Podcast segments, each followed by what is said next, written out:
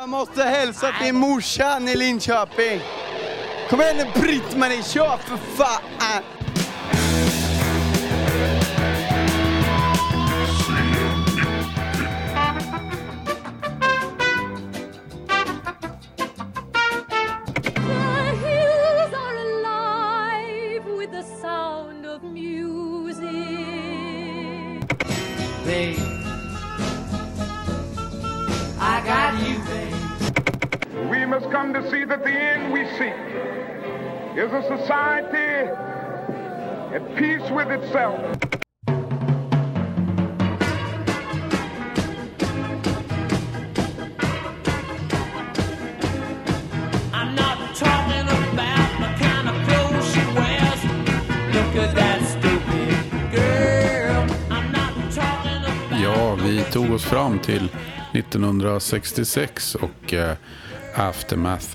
Plattan eh, från vilken vi hörde precis här Stupid Girl med The Rolling Stones som ju det här avsnittet handlar om. Precis som det förra C90-avsnittet som var del 1.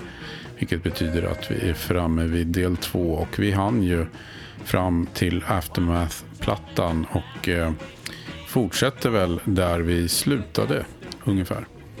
Vad fan? Det står lighting Mick Jagger. Ja, Vad fan menar de med det?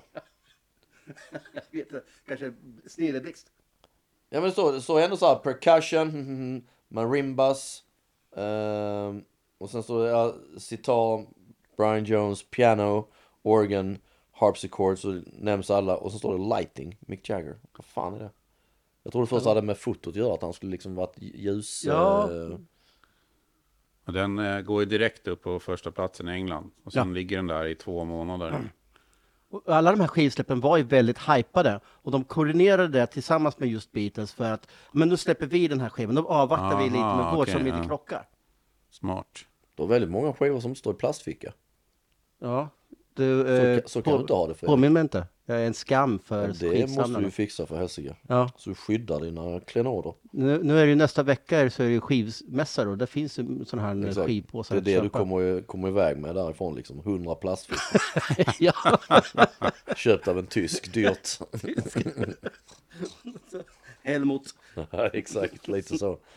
Men Aftermath kan man väl säga liksom egentligen på ett sätt är första riktiga albumet egentligen. Alltså i och med att det Ja. är Stones låtar, alltså de som har skrivit dem. Precis. Och jag tror de släpptes samtidigt med samma låtar också i både USA och Ja. eh, i England. Det var första Okej. som gjorde det. Eh, det kan ha varit så att Painted Black var med i, ehm, i på USA-versionen. Ja, ja. Men eh, inte på den brittiska då. Fan, det är en låt jag aldrig riktigt gillat.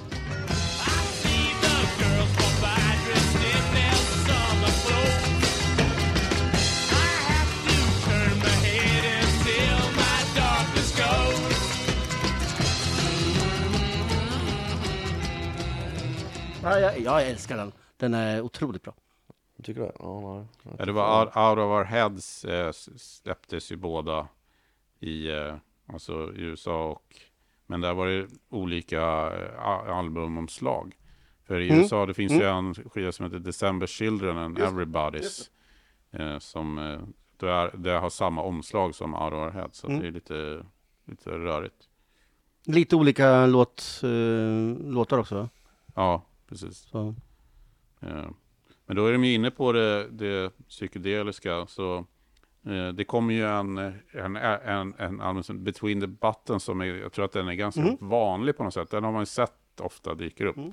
Och det är ju, eh, eh, den släpps ju då ett halvår efter Aftermath. Just det.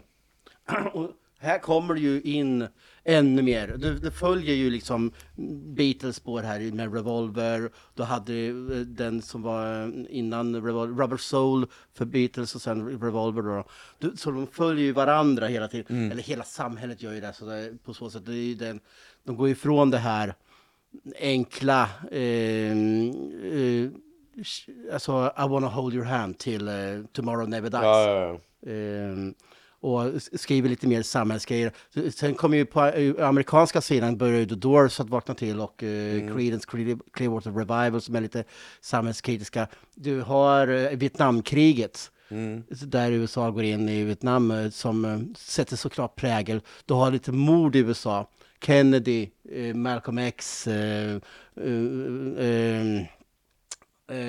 Martin Luther King till exempel. Som, d- d- samhället förändras under 60-talet så blir jävligt våldsamt egentligen.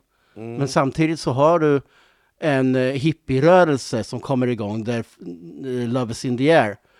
Ehm, och som är lite motsägelsefullt mot eh, det som faktiskt pågår.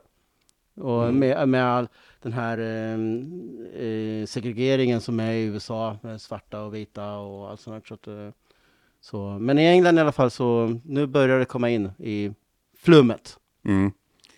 Och man eh, lånar väl in rätt mycket orientaliska eh, influenser till, Yes. till, till musiken. Och, och det blir ju ännu tydligare sen då med nästa, nästa album då, Their Satanic Majesties Request. Det känns ju som att de inte ger sig, de vill ju jävlas liksom med kristna högern och... Ja, def- definitivt. Och här är ju liksom Stones svar på Sgt. Pepper. Ja, Just det. Det, men du ser det bara på omslaget så, Ja. är, så är det Är liksom... inte omslaget så här liksom du kan... Eh, det tredje. original, så här, exakt ja. Ja, Mm. och eh, jag läste igår om just när de gjorde omslaget. Så eh, ingen av dem kommer ihåg det, för att alla gick på acid då. så, och likadant, eh, Keith Richards kommer inte ihåg inspelningen av låtarna. Och det, det var den mest förbeställda skivan i hela världshistorien i, i England. Och Jaha. den blev totalt sågad. Se på Eh, fan. Ja, så det var inte alls något eh, Sgt. Pepper som var skitstor. det är ju lite anmärkningsvärt eh, hur flummigt, eh, alltså det är ju några låtar där som är nästan olyssningsbara Ja. på den, Ja, de, hur? de är inte, det är inga, de har inte åldrats med värdighet. Nej. Nej. Och det känns som att jag tror inte ens de själva orkade lyssna på låtarna en gång till. Alltså, men, men samtidigt är det ju några riktigt bra låtar.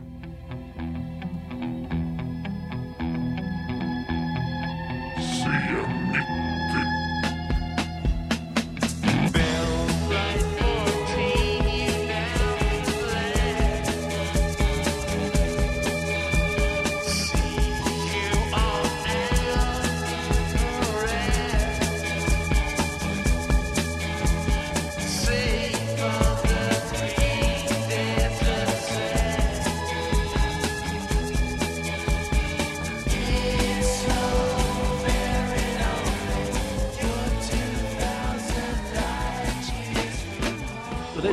coola saker ändå. Bill Wyman har en låt. På, Okej. eh, eh, på skivan som heter In another land. Okej. Och eh, man hör också när han, eh, finns när han, eh, är det den han avslutar med att någon sitter och snarkar? Okej. Det är han som sitter och snarkar i, han somnade i, i studion där. Spelar de in honom. Släpptes även på singel. Ja, Precis, Jaha. precis. Så han flörtade tidigt med att göra lite egna grejer. Men då, Ja, ja. Han, han har ju sån jävla tillbakadragen roll i Stones. Han, Mm. Alltså om man har stegräknaren på honom alltså, under hans karriär i Stones. Alltså, det var ju, han kommer nog inte upp i 10 000. en scen. Nej, det, På scenen. nej, han gjorde fan inte mycket väsen av sig när man såg honom där. Extremt utbytbar på något sätt. Ja, Ja. Men han, han hoppade ju av sen efter 90-turnén. Eh, och där liksom eh, kom eh, Daryl Jones in. Just det. Och, eh, och Keith hade sagt där så här, fan vi har en basist som rör på sig. Ja, exakt.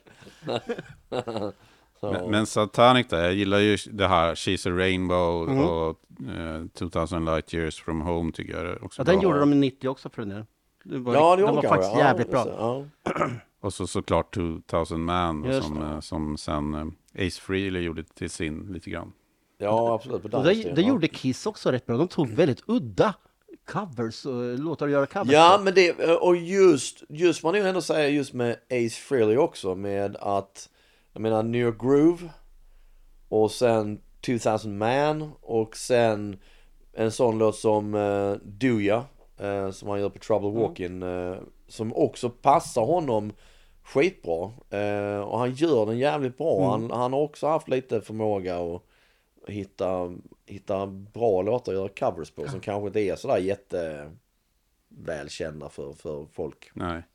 Jag hörde den före, eh, för han, de spelade den på 80-turnén, eh, Kiss. Ja, ja, ja. Och, Eh, och jag hörde den före jag hörde Stones-versionen. ja, gud ja. Det gjorde jag också. Så- Jag tror polaren köpte, jag minns att när polaren köpte någon gång på 80-talet köpte han Satanic med Stones. Och det ja, vill jag nog minnas som att det var nog för att vi, vi lyssnade på Kiss och så. Ja, och det är nog många Kiss-fans som har köpt just den skivan Ja, bara ja, för säkert. den. Så, eh, Säkert. ja. Ja, ja, ja. För Men helsike. det passade ju Space Ace-temat liksom. ja, faktiskt. Exakt. Med det här futuristiska liksom i Eh. texten. Ja, ja, ja. Lätt computers och grejer. Mm. Och även han, eh, hans sätt att sjunga. passade Ja, bra. verkligen. Verkligen. Ja. Helt klart. You know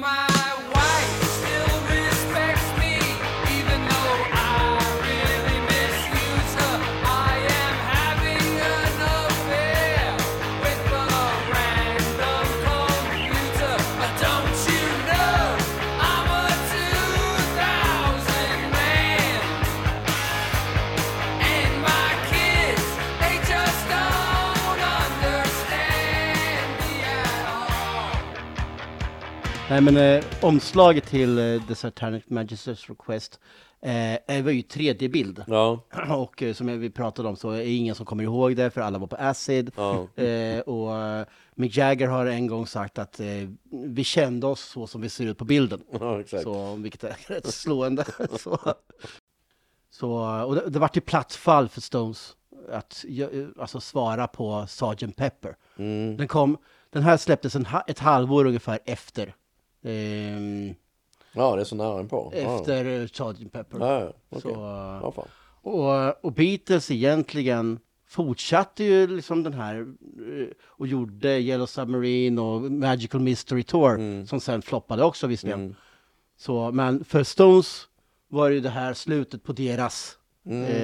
eh, psykedeliska eh, era då, då, för att folk började snacka om att det var mm, eh, slutet på bandet och allting sånt där redan då. Det var mycket knark. Mycket, och sen, sen var det det att snu, eh, polisen och sen eh, även eh, News of the World, eh, journalister planterar ju in, har vi fått reda på efterhand, knark i deras hem. Ja, så, ja. så att de blev tagna. Så det var ju stora rättegångar och sånt kring knarkanvändandet. Ja. Eh, Mick och eh, Keith var tagna på Redlands som var Just där det. Keith bodde. Och Brian Jones blev tagen också flera gånger. Mm. Eh, och det här var ju, det var ju så tusentals människor utanför rättssalarna när de hade varit så här. Och jag tror Mick och Keith spenderade en natt i fängelset. Exakt. Eh, eh, vad jag vet. Och, men Brian kom undan. Och, eh, men sen var det problem med att så, de hann ändå få ut eh, som två skivor, Between the Buttons och Their Satanic, eh, under 67 som var så turbulent Ja. egentligen. Och det var egentligen bara festandet som kom i fokus. Mm. Så, um, Ja, man ser ju det, det finns ju filmbilder från eh, när de släpps. ja, Ja, just det. precis. Alltså det är ju helt proppat med folk Ja, som står där bara av den anledningen. Precis, och det var en stor samhällsfråga det här. Och, eh, och det han, Mick Jagger var med i massa tv-program där de satt och snackade om hur ungdomarna har det nu och hur, vad, vad det är som driver dem och allting sånt där.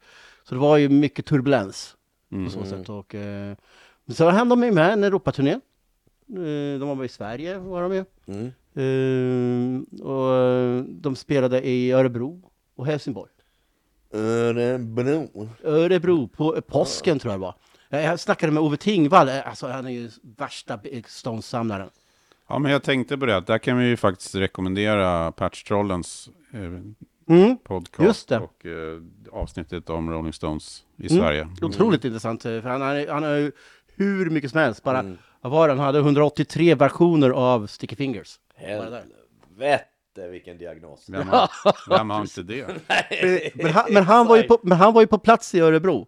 I alla fall, så, Ja, ja, ja. Och, och kom i kontakt med Rolling Stones genom Expressen då, så, eh, in i omklädningsrummet och allting. Och de väntade på andra gigget, eh, två gig, de spelade ett på förmiddagen och ett på eftermiddagen. Och eh, under tiden satt de vid dödtid, de ville ha tag på sprit eller, eller röka. Och, och då fixade Ove röka till dem genom eh, Kenta och Stoffe. Du vet, de, här, de kallar oss mods. Exakt. Eh, Så eh, de var också där på plats. Så att, Då vet man att det var bra grejer liksom. det var riktigt bra grejer. Direkt importerade fasen. från plattan. Ja, ja visst. Helsike. Shit alltså. Ja, ja.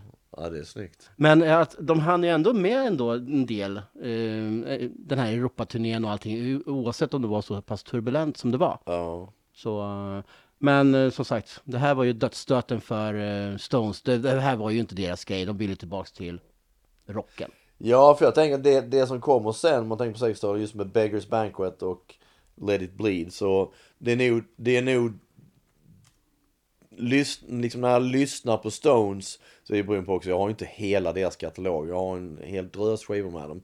Men så är det nog där omkring som jag tycker att Stones, jag vet inte, där börjar bli riktig rock'n'roll och Ja. liksom det svänger riktigt jäkla rejält. Jag lyssnar inte alls mycket på, jag lyssnade faktiskt på 12 gånger 5 idag. Ehm, Ja.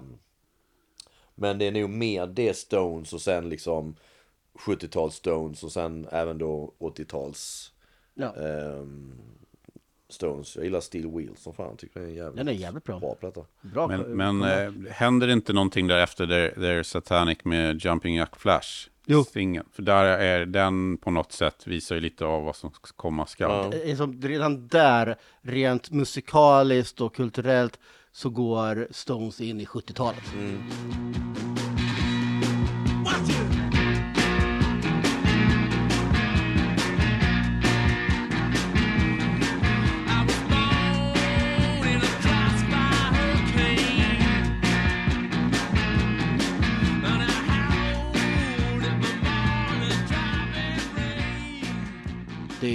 som präglar hela 70-talet, deras peak egentligen som band, eh, som låtskrivare och allting. Du, du har eh, Jumping Jack Flash du- som blir Beggars Banquet. Ja. Ehm, sen kommer Let It Bleed, Sticky Fingers, Exile on Main Street, eh, Goat Head Soup, uh, uh, Stony Rock'n'Roll. Alltså det är, det är idel, eh, eh, eh, nästan tio år av klassiska Ja, skivor egentligen. faktiskt.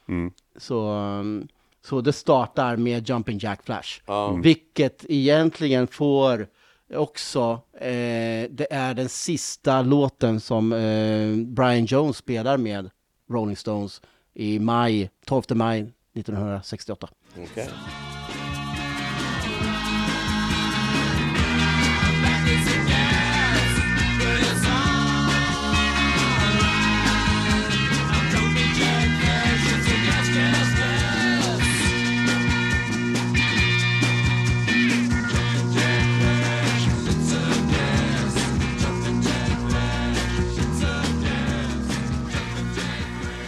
Spelar på eh, eh, New Musical Express Winners Poll. De har så här omröstningar, vem som är Ja, ja. bästa, eh, bästa bandet och bästa, du vet som Okej också hade. Mm. Ja, just. Då hade de också en konsert som Beatles och Stones var med på många av sådana här.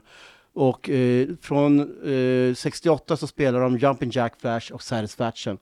Okej. Finns ingen ljudupptagning från den Ja. ever. Så de söker fortfarande, de tror att det har spelats över av någonting annat Ja, det ja. som spelades in. Så eh, tyvärr. Ja, så, um, Det, fin, det finns ju en video, eller vad man ska säga, till Jumping Jack Flash. mm, Där de är ganska ordentligt eh, uppsnofsade med liksom färg i ansiktet och glas, så här, fl- fly-glasögon. Och, ja. Ja, just det. Ja. och det, är- alltså, det är ju så otroligt mycket som det, det där stuket har inspirerat. Alltså, ja. Hela 70-talet, glammen. Ja, det är där på något sätt det första som görs åt det hållet. Mm. Alltså just det här att de är, det visuella är så påtagligt. Liksom, på, Mm. eh, Och vi, pr- vi pratade lite om det här att det gick över till, från en singelsamhälle Mm. i musiken och till ett albumsamhälle. Eh, där eh, man spenderar mycket, mycket mer tid i studion. Och många av låtarna som kom fram då kunde man inte liksom återskapa live sen, för det var så jävla mycket effekter Ja, och, ja, ja. och skit de hade med, och olika instrument och sådär. Det var ju en, en av anledningarna till varför Beatles slutade spela eh, live. Mm. Eh, förutom då hysterin som var kring dem. Mm. Eh, så um, det är eh, Rolling Stones gjorde ju den här One to One, eller One Plus One, en film som dokumenterar när de skapar eh, Sympathy for the Devil. som är på Beggars Banquet. Mm. Eh, du har också Street Fighting Man som är också en klassisk eh, Rolling Stones-låt från det här, den här skivan. Det är också, det kan jag rekommendera förresten, lyssna på Youtube på Pay Your Dues. Mm. Det är det vad den hette innan den hette Street Fighting Man. Mm. Så den, den är lika bra, men den är lite mer 60-talsinspirerad ifrån eh, det här. Men Street Fighting Man tycker jag är tidlös egentligen, så den funkar fortfarande Ja. idag. Sympathy for Devil är en jävla låt alltså. Mm. Och där, där är det också, kan man ju förstå, alltså med tanke på eh, alltså, tidigare då de ändrade titel där med Walk on Water. Här kom det liksom sympati för djävulen. Man kan ju förstå vilket liv det blev. Alltså de blev ju under en lång period kallade, alltså så var de satanister i många, eh, i mångas ögon i USA. Ja, men, eh, liksom. precis så är det ju. Och även omslaget till Bag of Banquet var ju i original en toalett som var nedklottrad med eh, klotter, Rolling Stones och Just det står. just Mm. Så just den vägrade de släppa. De, de tänkte släppa den först, och de gjorde det faktiskt en kort stund med, eh, i, en plast, i en papppåse. Mm. Ja, där den ja, inte syndes. ja. Men sen valde de då den här vita som var också var i linje med eh, Beatles White Album som också kom 68. Ja. Eh, men du kommer till det senare också, det här med djävulen och satanister och det, när eh, Altamont hände. Just det, Så fick de ju mycket skit för det. Just det. Please allow me to introduce myself. Ja, Ja, det är precis. för jävla bra. Ja. Såg du dem 90 också? Mm. Ja. Visst var, var inte Jagger högt upp i eh, något torn Jo, då? när jo de, eh, jättehögt upp. Ja, exakt. Ja. Det var jävligt kul minns jag. Så, den var en bra version också. Ja, absolut. Absolut. Det är ja, riktigt nice. Men där Altamont var väl egentligen en, en gratis konsert va? Ja. Eh, just det, Det var 69. 69 först. Ja. Så på något sätt slutet på hela Flower Power-grejen. De, det finns ju rätt mycket, eller rätt mycket, men det finns ju filmat från Mm. spelningen. De är ju livrädda själva. Ja, det, det är ju, de gjorde en film som heter Gimme Shelter, Mm. som eh, tecknar den eh, just Och vem, kom, vem fan var det som kom på den brighta idén att det skulle vara Hells Angels som stod? Eller var det att Hells Angels hade något, liksom, någon hållhake på någonting? Eller liksom, att Ja, de nej skulle då. stå för säkerheten? Det här, det här går tillbaks, eh, nu hoppar vi lite i tiden här, eh, men det går tillbaks, in, alltså om vi går tillbaks till 68 Mm. och Brian Jones spelade sin sista konsert med eh, dem på den här eh, två låtarskonserten. Mm. Så kommer vi fram till julen 68. Där gör de en tv-special som heter Rolling Stones Rock'n'Roll Circus. Ja, ja, just det. Där The Who är med, Ja, det är Ian Anderson från Jethro Tull och så. Jethro Tull är med. Ja, mm. John De, Lennon var... eh, John Lennon är med med Mm. Dirty Mac, så där Keith Richards är på bas och lite sånt där. Eh, där är Brian Jones allra sista framträdande Mm. med eh, Rolling Stones. Och den, de släpper aldrig den, för det var tre dagars session, de var trötta Mm. allihopa, så de tycker inte att de gjorde något speciellt bra. De vart utspelade av The Who, som Mm. var mitt i turnécirkeln, som gjorde en jättebra konsert. Eh, de avslutade också med Salt of the Earth. Mm. Första, gången, första och enda gången de spelade den, eh, för, innan, eh, innan 89. där. Ja. Ehm, och ehm, där i alla fall, så efter det så är inte Brian Jones delaktig för något sätt. Han var ju, han var ju pissad och svären redan innan. Men und, sen börjar liksom tiden för Let it bleed. Börjar sessionerna börja spela in och allting sådär. Så man märker då att Brian Jones inte kommer kunna spela utomlands. För att han kommer inte få visum till USA och sånt där. Och eh, John Lennon hade också problem med det där. Men han hade så mycket åtal mot sig för knark och det där så han skulle inte komma in. Och sen var han helt frånvarande i studion. Så att eh, så det var, de åkte upp till honom och sa att sorry, du är sparkad. Det här var i, jag tror det var i juni 1969. Okej. Eh, den 3 juli hittas han död i sin swimmingpool, Mm. eh, Crutchford Farm. Eh, och eh, där. Då hade de redan hittat en, spel, en eh, gitarrist, Mick Taylor. Mm.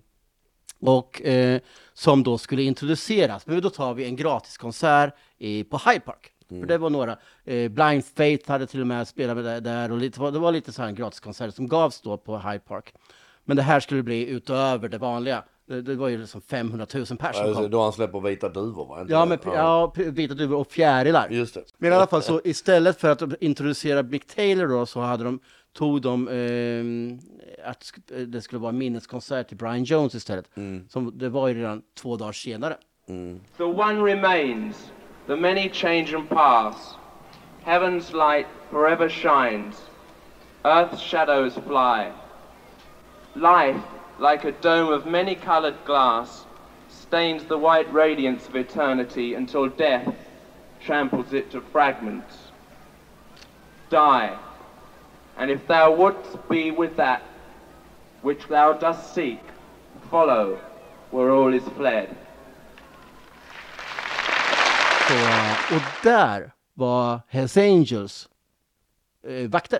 Ja, ja, det var så. Brittiska okej. Hells Angels. Ja, ja. Och jag har hört i efterhand nu. Det där är inga jävla Hells Angels. Det där, de har bara klistrat på sina eh, eh, alltså, de här patcharna Ja, och allt sånt där. Och, eh, och ehm, hade lite så här militärhjälmar med, nats, med svastikas på lite sånt.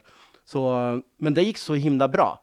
Så, men det är klart vi ska ha Hells Angels i USA också. Men det var, de i USA, det var ju en helt annan kaliber Ja. än vad, um, vad heter det, eh, de i England var. Så eh, det var liksom wannabes eh, har jag hört tidigare och så. Så eh, för dem, det skulle avsluta en uh, den USA-turnén de gjorde på Let it bleed. Mm, De hade, var ju väldigt, väldigt bra den. Det var den som vart Get Your Yayas Out till slut. just det. Ehm, som jag tycker är ett av världens bästa livealbum. Mm. Det är riktigt, riktigt bra. Men eh, då vart det en frikonsert som vart flyttad från flera olika ställen till slut till Altamont Speedway Mm. eh, i december. Där det samlades och det var massor av andra artister också. Eh, eh, Grateful Dead till exempel spelade där och lite sånt så att, eh, Och hela dagen präglades av dålig, dåligt knark. Det sålde, många fick överdoser, var våldtäkter och allting. Och sen kom Hells Angels in i bilden. Körde in sina bågar framför scenen, ge, alltså genom ett hav av flera hundratusen. Och eh, nitade varenda jävel som petade på deras bågar. Eh, de hade eh, där det. med bly och allting sånt där. Och, och det stod på scenen och det var kaos hela tiden. Så, eh, men eh, till slut var det en eh, svart kille Mm. som eh, hade, jag tror han hade, de tror att han hade en pistol eller någonting sånt. Men i alla fall, Ja, okej. han blev i alla fall, fick en kniv i ryggen av Just det. Hells Angels. Det finns på film också. Just det. Så, eh, och därav så vart det ju liksom inte alls någon... Den, tanken var ju att ha ett nytt Woodstock på, Mm. på västkusten. Men eh, det sket sig rätt duktigt. Så. Lärdomen av detta är ju att bra knark är A och O. Ja, Det- precis. Det är liksom... Det lägger är- grunden för mycket. Ja, precis. Eller inte ta knark alls. Men det är intressant där att det är så väl dokumenterat från, det är ju någon som sitter typ på scenkanten och Ja, filmar det, liksom. Och, och man får ju verkligen se hur oroligt det är och Mm. eh, hur och då, Mick Jagger har väl sagt efteråt att de var ju på riktigt rädda för sina liv. Liksom. Mm. Ja. Att, eh, och jag menar, då är bandet ändå så stort. Man tycker ju inte att det där ska kunna hända när de är på den nivån. Nej. Det hade kanske varit mer normalt tidigare i karriären. Ja. Liksom. Det här skulle vara Rolling Stones triumf. Alltså det skulle vara ett nytt exakt. Woodstock. De hade, arrangörerna för Woodstock var med och skapade det här också. Så det var de som liksom, eh, höll i det. Och eh, filmcrew och allting var på plats och hela kittet sådär. Vart inte så. Så, Nej, det sex, så hippierörelsen och 60-talet fick ju en, en pungspark egentligen. Exakt. Som, de- som det aldrig reste sig från Nej. i december 69. Så där tog 60-talet verkligen slut. Ja. Mm, mm. Ja, det är lite som man ser sen den fantastiska dokumentären om Woodstock 99. Mhm. Där det också Mm. är liksom, där också allting bara ballar ut. Ja, och verkligen. Där just Skitbra. Ja, fantastiskt bra. Och där just hur många, många berättar det också hur du kan, hur du kan känna att det är liksom dålig stämning Ja. på något vis. Du känner det på allt jävla folk som är där. Att det är Mm. liksom, fan det här kan, det är nästan som Dålig de vet- vibe, liksom. Exakt, de vet nästan att det här kommer bara sluta på Ja. ett sätt liksom. Det blir kaos av De det. pratade lite i efterhand om att det här var fight club i bilden och det var liksom Ja, exakt, samhälle. Det var mycket macho. eh, Mycket match, alltså man, vita, Största man, banden var liksom Limp Bizkit och Precis. sådana på den tiden. Och så liksom. vita- Jocksmusik. Liksom. vita college Precis. killar. mycket med jocks, bakvänd ke- keps och, Mm. och eh, ja, ja, något väldigt, samtidigt väldigt amerikanskt. Väldigt, väldigt. Och Enormt amerikanskt. så, um, Mycket dude. Och jag tror det var här var liksom 60-talets version av det. Ja, jo, Eh, ja, och- ja, absolut. Sen fanns det ju andra festivaler runt omkring som också blev eh, också katastrof egentligen här på i Europa. Men, men det här vart ju det mest omtalade då, Mm. Ja. i och med att eh, de var så stort band, Ja. Rolling Stones. Och eh, här kommer ju också in då att Sympathy for the Devil, de Mm. är satanister, de är, Mick Jagger vart ju utmålad som djävulen själv Mm. och så vidare. Och, eh, nu hade väl folk egentligen skitit i de bitarna, Ja. men, eh, men då var det en stor grej i alla fall, Ja, framförallt ja. i USA. Mm. Ja. Ja, visst. Men om man skulle sammanfatta det då, ehm, 60-talet, så en sak som man kan säga att det händer extremt mycket med tanke på att eh, vi är en bra bit in i 60-talet när det börjar hända något. Ja. Ja. Och ändå så är det så pass mycket i, i alla möjliga sammanhang så händer det extremt. Det var inte mycket semester i alla fall. Nej, inte direkt. inte direkt. Det började väl kanske då 67, 68 när de inte turnerade så mycket, men, eh, men eh, annars så... Det är fortsatt en platta varje december Ja. där på slutet. Och sen singlar som kommer ut och det- Ja. när de är på USA-turné så är de ju i RCA Studios i Los Angeles och spelar in väldigt mycket. De åker Ja. till Chet Studios i Chicago. Och, eh, så det är ju hela tiden arbete, precis som Beatles gjorde egentligen. Så det var ju aldrig ledigt på så sätt. Det är ett jäkla tempo. Ja. Jag menar, och I flera år. Ja exakt, samma som vi har pratat om Kiss som också körde det tempot på 70-talet. Det var två plattor per år och, och man tänker så, det var en helt annan teknik. Ja exakt, jag tänkte det var, liksom, det var en helt annan teknik på den tiden. Så egentligen, man säger fan idag borde ju liksom artister spotta ut sig tre plattor per år. Ja. Med tanke på hur ofantligt mycket mer, eller bilden av det i alla fall, enklare med inspelningsmöjligheter. Du kan sitta hemma och spela in grejer och liksom Ja. så här. Så att det, Precis. Då var det analogt liksom. Ja, och då på den tiden var det verkligen, men fan, då var du verkligen på plats i studion och, och lirade och... Ja. och det, det, Och repa och lära Exakt. sig och allt sånt. det Ja. är Precis. jävla imponerande att spotta ur sig. Ja, ja, definitivt. Och sen måste jag tillägga det också, 69 när de hoppade på USA-turnén på hösten där, de hade inte spelat eh, live egentligen sedan 67. Mm. Det som hade tillkommit då var PA-anläggningar. Ja, ja, ja. När de kom till, nu åkte de kring med sin egen scen och en PA-anläggning som de inte hade haft 67, där de tog liksom house Just det. Ja, ja. eh, sound eh, och det. Och det var en helt ny värld för Rolling Stones att Ja. åka med ett, en karavan av ehm, ehm, Högtalare. av lastbilar och sånt. Eh, vad jag förstår så vägde scenen 50 ton. Det kommer komma sen i 70 sen när de kommer Ja, in Sverige. det. Då kommer det, hur mycket de tjänar och allting sånt. Så, men eh, det var ju en jättestor grej för dem att hantera den biten. Att ha en lyssnande publik istället för skrikande brudar. ja. Eh, Exakt. Så nu, nu är det ju mer så för att nu äntligen kunde musiken överrösta publiken. Det gick inte förut. Nej, just det. Så, Just det. och det var väl lite mm, en liten parallell där med när de slutade 82 och kom 89. Vilken skillnad det hade varit. Men på Ullevi fanns det ju ingen jävla storbilds-tv när de var där 82. Nej, nej, nej, nej. Men på Eriksberg 89, vilk- då var det ju jävla scenproduktion de hade med sig. Absolut. Absolut. Det, Så, um, oh, ja. Ja men eh, så det är, eh, tekniken går framåt här också. ja. Men som vi, vi pratade om igår, den här eh, första spelningen, bootleg-inspelningen från mässhallen i Göteborg. Där det bara, Men du, du satt och lyssnade ändå. jag har lyssnat på hela. Exakt. Man kan höra någonting. Ja.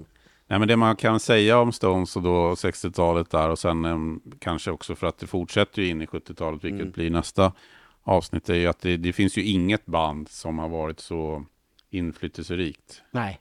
Som har inspirerat så my- mycket annat och Ja, som nej, gud, egentligen det- har satt reglerna för rock'n'roll. på Ja, något sätt. verkligen. Oh, ja. verkligen. De, de skrev manualen ja, det får man ju fan säga. Det är, för sex, drugs och rock'n'roll. Och, Ja, eh, verkligen. Med allting från frontman till hur ett band beter sig och hur, med Mm. upp och nedgångar och eh, katastrofer och eh, tragedier. Ja men också när man just återigen när man såg de här dokumentärerna på SVT så blir det verkligen att man sitter så här och bara känner så här att fan, de de har ju verkligen levt. De har verkligen levt ett liv. För de har fan med gjort allting. De har varit liksom runt jorden 50 000 gånger. De har knarkat, supit, spelat för miljontals med, alltså de har gjort precis allting och levt livet till max. Men vart- Tittar man på sig själv och inser att man liksom inte ja, inte åstadkommit så jävla mycket. precis. Men de har varit världskändisar och eh, sen de var 17. Ja, Vet ingenting annat. nej men det är liksom just, just de liven där det verkligen, där du, de som är på den nivån där det verkligen, det går inte att maxa livet mer, du, du kan inte göra mer liksom men det är precis, det är, det är så jäkla, nej sanslöst. Och det man kan säga om Brian Jones då, som tyvärr är den som liksom blir offret här, kan man väl säga lite grann. Han, han- hans tid var ju verkligen över. Han, även om han liksom bidrog musikaliskt så sent som då Jumping Jack Flash, som är sista singeln där innan Let It Bleed. Eh, så, så hade han ju på något sätt, så nu var han ju utbytbar i bandet, liksom, eftersom de var så. I och med att han var helt inaktiv så eh, han hade några, låt, eh, några inslag på eh, Let It Bleed. Eh, han gjorde lite ho- inhopp även på Beatles låtar. Eh, spelade saxofon till exempel och eh, På White eh, Album eller på... Ehm, Baby You're a Rich Man, den tror jag är på Magic Mystery Tour. Ah, okej. Ja. Ehm, och, ehm, och sen You Got My Name, eh, You Got My uh, Någonting Number eh, är han också med på. Eh, och Eh, Så han eh, var ju, men han, det snackades också om att han var på väg tillbaka. Han var ju fortfarande otroligt populär bland brudarna. Han fick ju tre gånger så mycket fanmail eh, 1969 fortfarande än vad Jagger fick till exempel och de andra tillsammans. Eh, Det var det tvättade håret kanske? Ja men det måste ha varit det. Var det Head and Shoulders eller? Ja visst, fan, Timotej. Han såg ju alltid ganska sliten ut. Så han alltid, alltid så här ringar under ögonen. Och vilket, Jättepåsar. ja. Så, men det snackades om att han, han var ju bra vän med Dylan. Han var bra vän med, med Lennon. Så det snackades om att de skulle skapa en supergrupp tillsammans. Ja, ja. Så, men vem vet. Så, um, Polaren hävdar ju att hans eh, svenska flickvän eh, driver någon jävla blomaffär i Norrtälje. Jag vet inte om det stämmer. ja, Anna Wollin. Ja, Eh, precis. Eh, om, om det är Norrtälje, det vet jag fan. Eh, Nej. men hon har varit med i någon intervjuades någon gång. Hon skrev någon bok. Jag har en bok här. Ja, men hon var väl inne på också, det var, hon var väl inne på också att han skulle ha blivit mördad, alltså att det blev något, Ja. någon jävla slagsmål med någon handyman eller vad fan Precis, precis. Eh, han köpte ju eh, kåken, eller det kallas för farm, det är så pass stora kåkar Ja, de köper med det här. Så av han som skrev eh, Nalle Puh. Jaha, A.A. Miles, Åh fan. Crotchford Farm heter. Jaha. Så, så han skulle renovera den och hade massa, Tom Kaylock hette den här hantverkaren som skulle, och han var rätt aggressiv tydligen. Ja. Så, um, och, um, för att han- att han drunknar i en pool, det, det, det ser många som väldigt osannolikt. För att han var en jätte, jättebra simmare. Ja. Han var en sån som gav sig ut i starka strömmar i, i San Francisco Mm. och simmade mot dem och allting sånt där och kom tillbaka alltid till samma ställe. Och så, och, så han var en väldigt duktig simmare. Eh, Men, ah, jag vet inte. Nej, jag vill inte spä vet. på någonting. Det är klart att om han tuppar av och ramlar ner i poolen hjälper ju inte det. Men frågan är ju hur sannolikt är det egentligen? Att man Ja, går nej. runt så och så ramlar ner i poolen. Nej, det är inte speciellt sannolikt. Eh, han hade slutat med knarket. Ja, återigen. Eh, men spriten var säkert en eh, bild med. Men fortfarande så har han ju simmat packad tusentals gånger innan.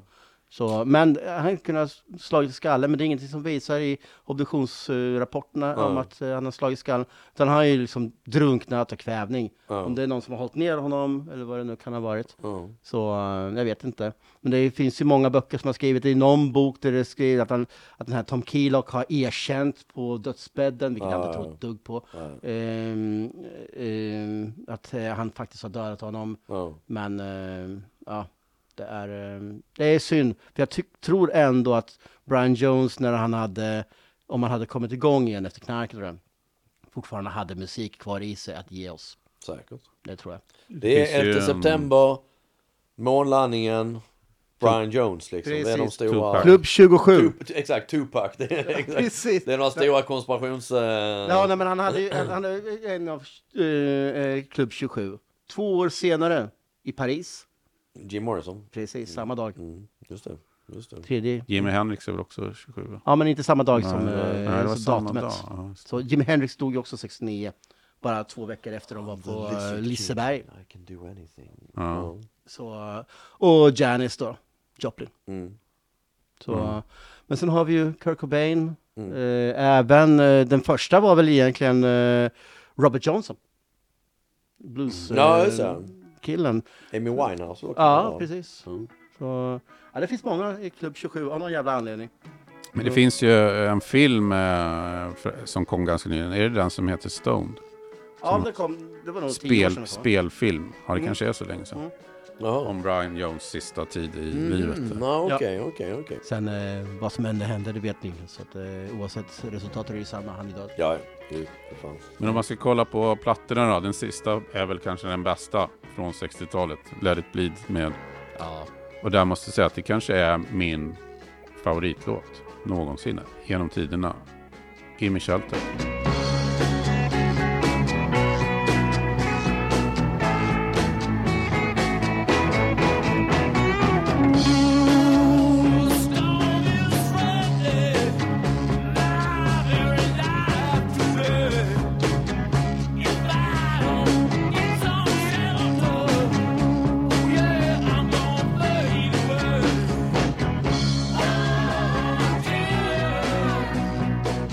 Ja, den är... Det är den som inleder Let it bleed. Ja, det är för jävla snyggt intro på den låten och... ehm, Och introt går in så jäkla genialiskt Ja. i groovet. Ja. Och där, är där ser man ju samspelet mellan Charlie Watts och, Ja. och, eh, och Keith. Richards. Att de, det blir liksom som ett instrument nästan. Ja, basen, trumman och... Ja, den är... Uh, Mario, för jävla snyggt omslag för det första också. Ja, det är det. Alltid gillat det. Ja. Eh, Jag, jag, för, min, för min del är ju Midnight Rambler. Jag älskar den låten. Ja. Det är väl lite det här äh, att äh, den, den knyts ihop snyggt med You can always get what you want. Mm. Visst.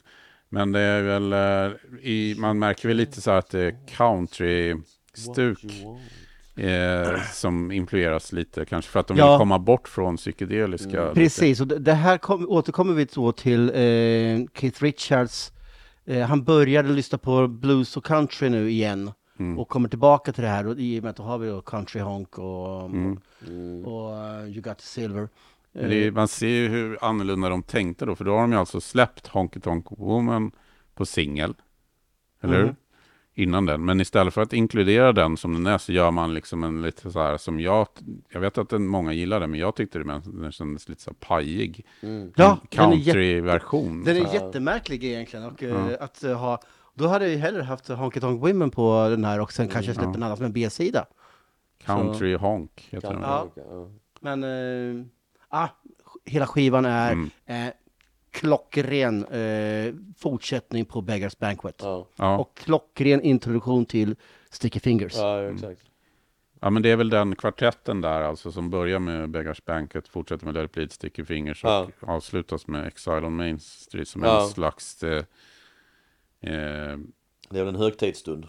Ja, men Ja, det är en enormt, Ja, eh, enormt eh, hög kapacitet där som, Gud, de, ja. som Ja. de befinner sig i liksom, under en lång tid Ja. och eh, kreativt. Ja.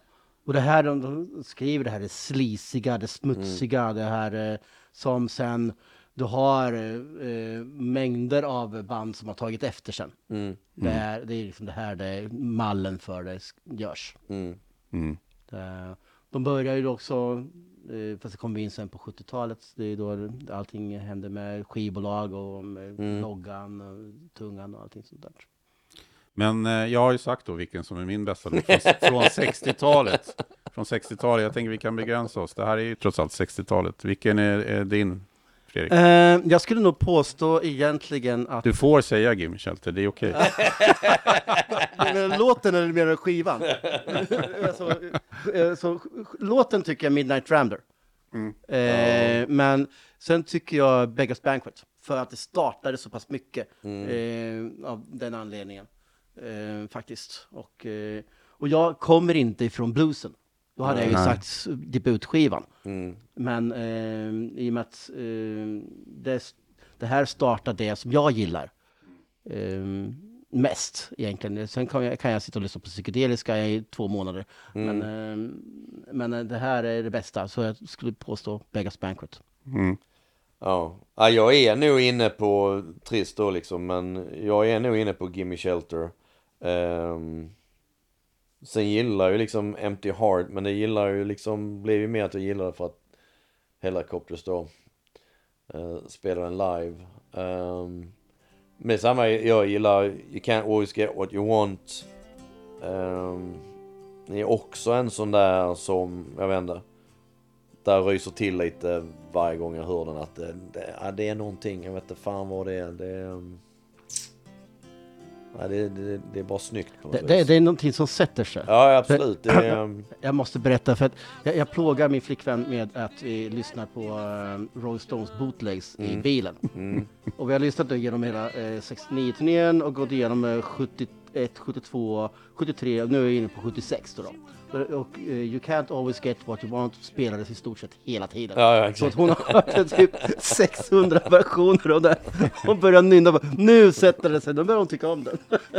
jävla, jävla bra grund för ett förhållande. så. Bootlegs. Det enda, det enda CD-spelare jag har det är i bilen. Ja, exakt. Vad sa du? Ska vi lyssna på ett bootleg? Ja. Och en del är så jävla dåligt ljud i. Ja, ju, men vad fan. Det hör ju, hör ju till på något vis. Men nu börjar man ju redan längta till nästa avsnitt och 70 och 70-talet. Då jävlar. Det, då smäller det. Satan i det. Ja. Ja, gud ja. Nej, men då säger vi väl eh, tack eh, Rolling Stones för eh, fantastiskt 60-tal. Ja, Absolut. tack. Tack som fan. Bock, bug och bock. Och där slutar vi. Det måste blivit en jävla massa. Nu var det visst, visst nu gick du och pissade där. Ja.